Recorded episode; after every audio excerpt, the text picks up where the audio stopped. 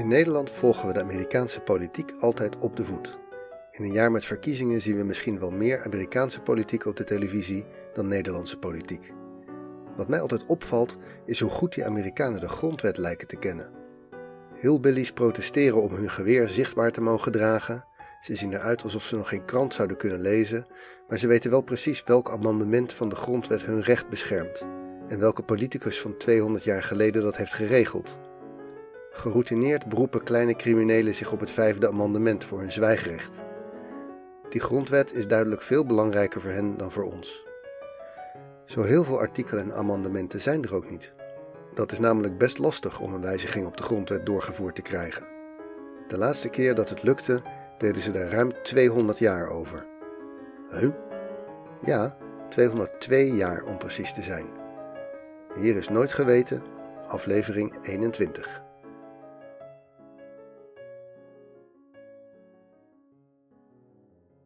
Amerikanen zijn heel trots op hun grondwet, de Constitution.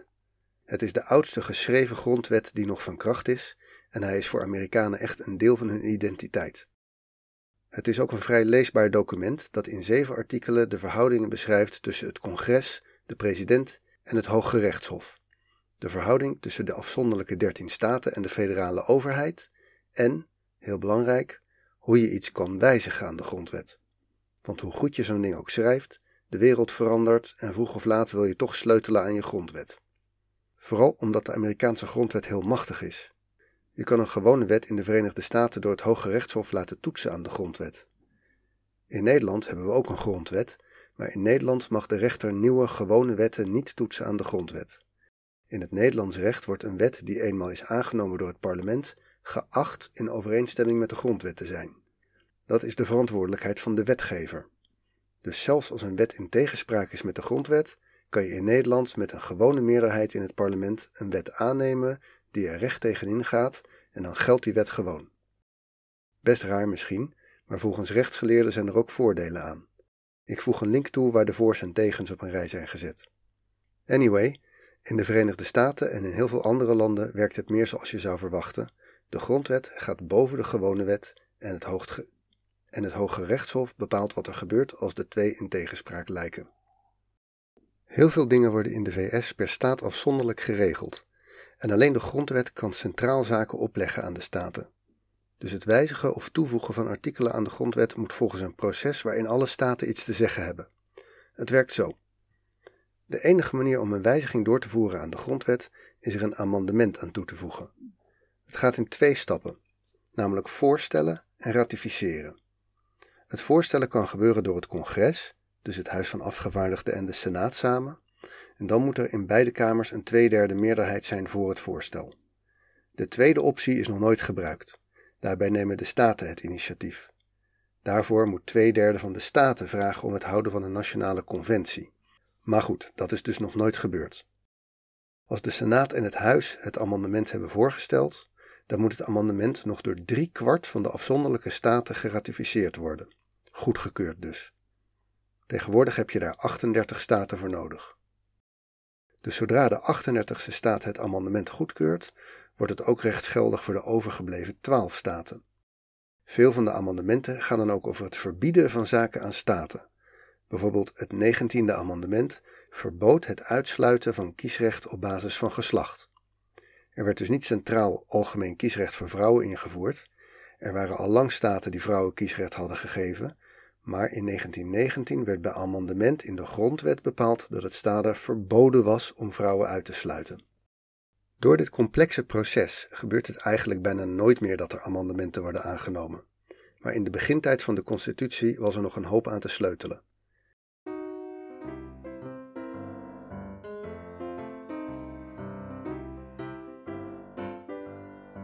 De grondwet trad in werking op 4 maart 1789 en in september van dat jaar werd er al in één keer een lijst van 12 amendementen door het congres goedgekeurd en naar de staten gestuurd ter ratificatie.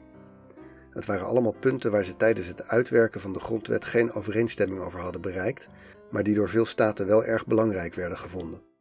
James Madison, de latere president, wist ze allemaal zo bij te veilen en op te schrijven dat ze alsnog een tweederde meerderheid in de beide huizen haalden. Tien van die twaalf amendementen werden in twee jaar door voldoende staten geratificeerd. Die tien noemen ze tegenwoordig de Bill of Rights. Het zijn allemaal van die grondrechten waar je vaak over hoort, zoals de vrijheid van meningsuiting, persvrijheid, vrijheid van vergadering, maar ook de vrijheid om wapens te dragen, bescherming tegen willekeurige huiszoeking, het recht om geen getuigenis af te leggen in je eigen nadeel, enzovoort. Maar er waren er dus ook twee die het niet haalden. Nummer 1 en 2 werden niet geratificeerd door voldoende staten. De artikelen 3 tot en met 12 werden de amendementen 1 tot en met 10. In artikel 1, dat dus niet werd geratificeerd, stond een voorstel om het aantal leden in het Huis van Afgevaardigden geleidelijk te laten groeien naarmate de bevolking zou toenemen. Als dat vandaag de grondwet was, zou bij de huidige bevolkingsomvang van de Verenigde Staten het Huis van Afgevaardigden ongeveer 6000 leden hebben. Misschien maar goed dat de Staten dit niet hebben geratificeerd. En dan was er dus artikel 2. In artikel 2 stond dat een wet waarbij de leden van de Senaat en het Huis hun eigen salaris verhogen, altijd pas in mag gaan bij de volgende periode. Klinkt op zich best als een goed idee, maar van de 14 staten die er toen waren, hebben maar 7 het artikel geratificeerd en dus werd het geen amendement. Het salaris van politici ligt altijd gevoelig.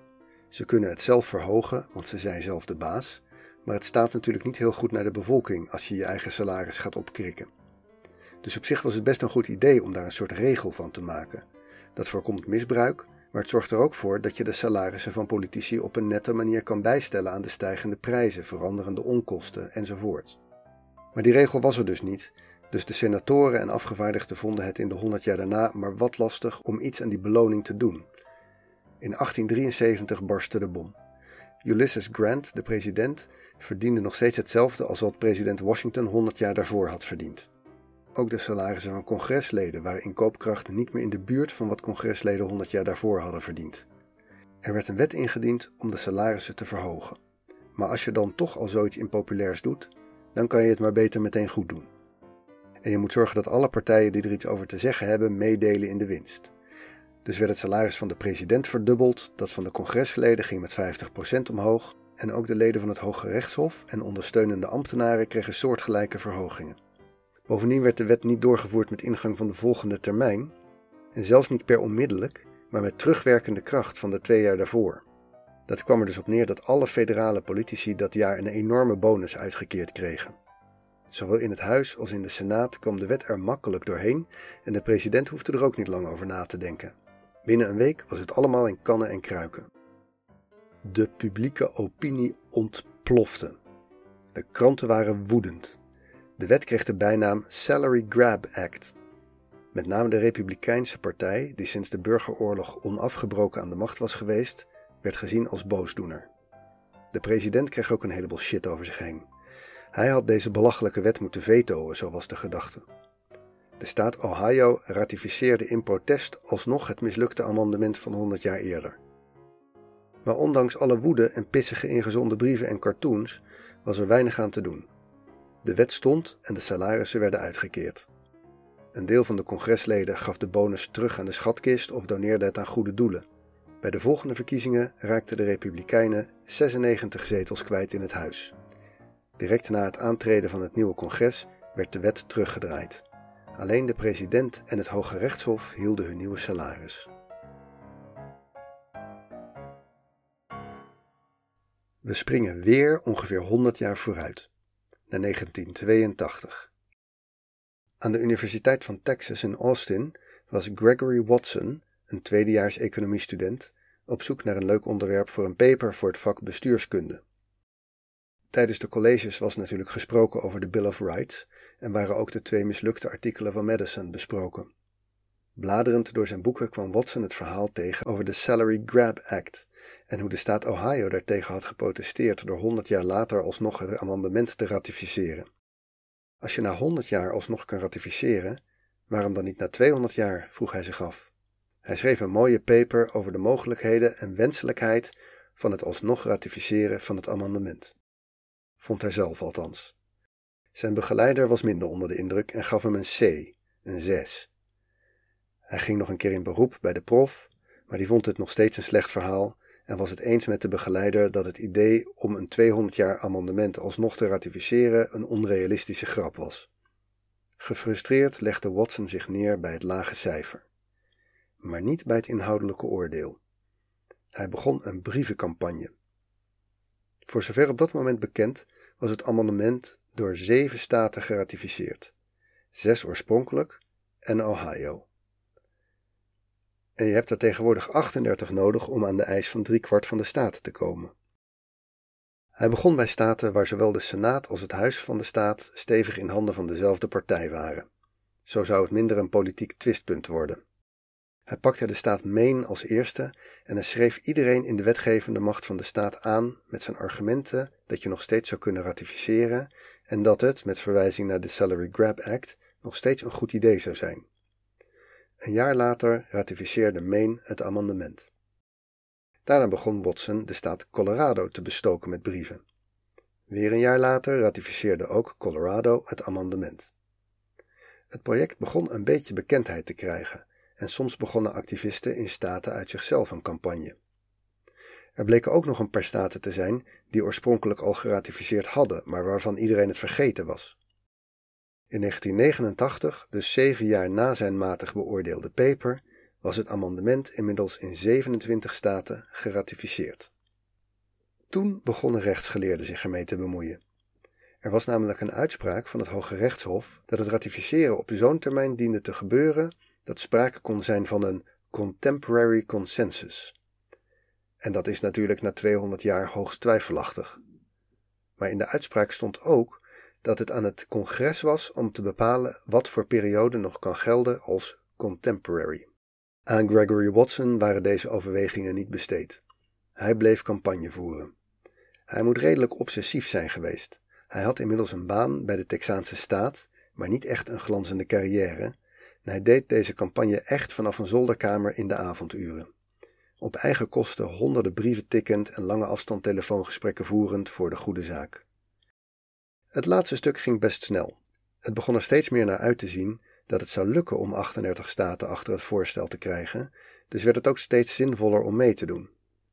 In 1992 werd Michigan de 38ste staat die ratificeerde. Vervolgens zat het congres natuurlijk met een lastig probleem. Zij moesten gaan bepalen of de 38 ratificaties over een periode van 202 jaar een contemporary consensus vertegenwoordigden. En het lag natuurlijk politiek heel gevoelig, want als je besluit om het af te keuren, met dat sympathieke verhaal erbij van die student en zijn brievencampagne, dan lijkt het natuurlijk te zijn omdat je jezelf graag een flinke salarisverhoging wilt kunnen geven. En dus werd datzelfde jaar nog met Stalinistische stemverhoudingen het 27e amendement op de grondwet aangenomen. Het is nog steeds het laatste amendement.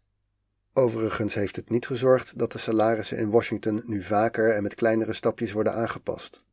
Sinds 2010 wordt ieder jaar een voorstel voor het ophogen van de salarissen in het congres gedaan en ieder jaar wordt het weggestemd. De laatste keer dat het salaris van de president werd gewijzigd was onder Bill Clinton. Toen ging het salaris in één keer van 200.000 dollar naar 400.000 dollar. En in overeenstemming met het 27e amendement ging dat pas in bij zijn opvolger George W. Bush.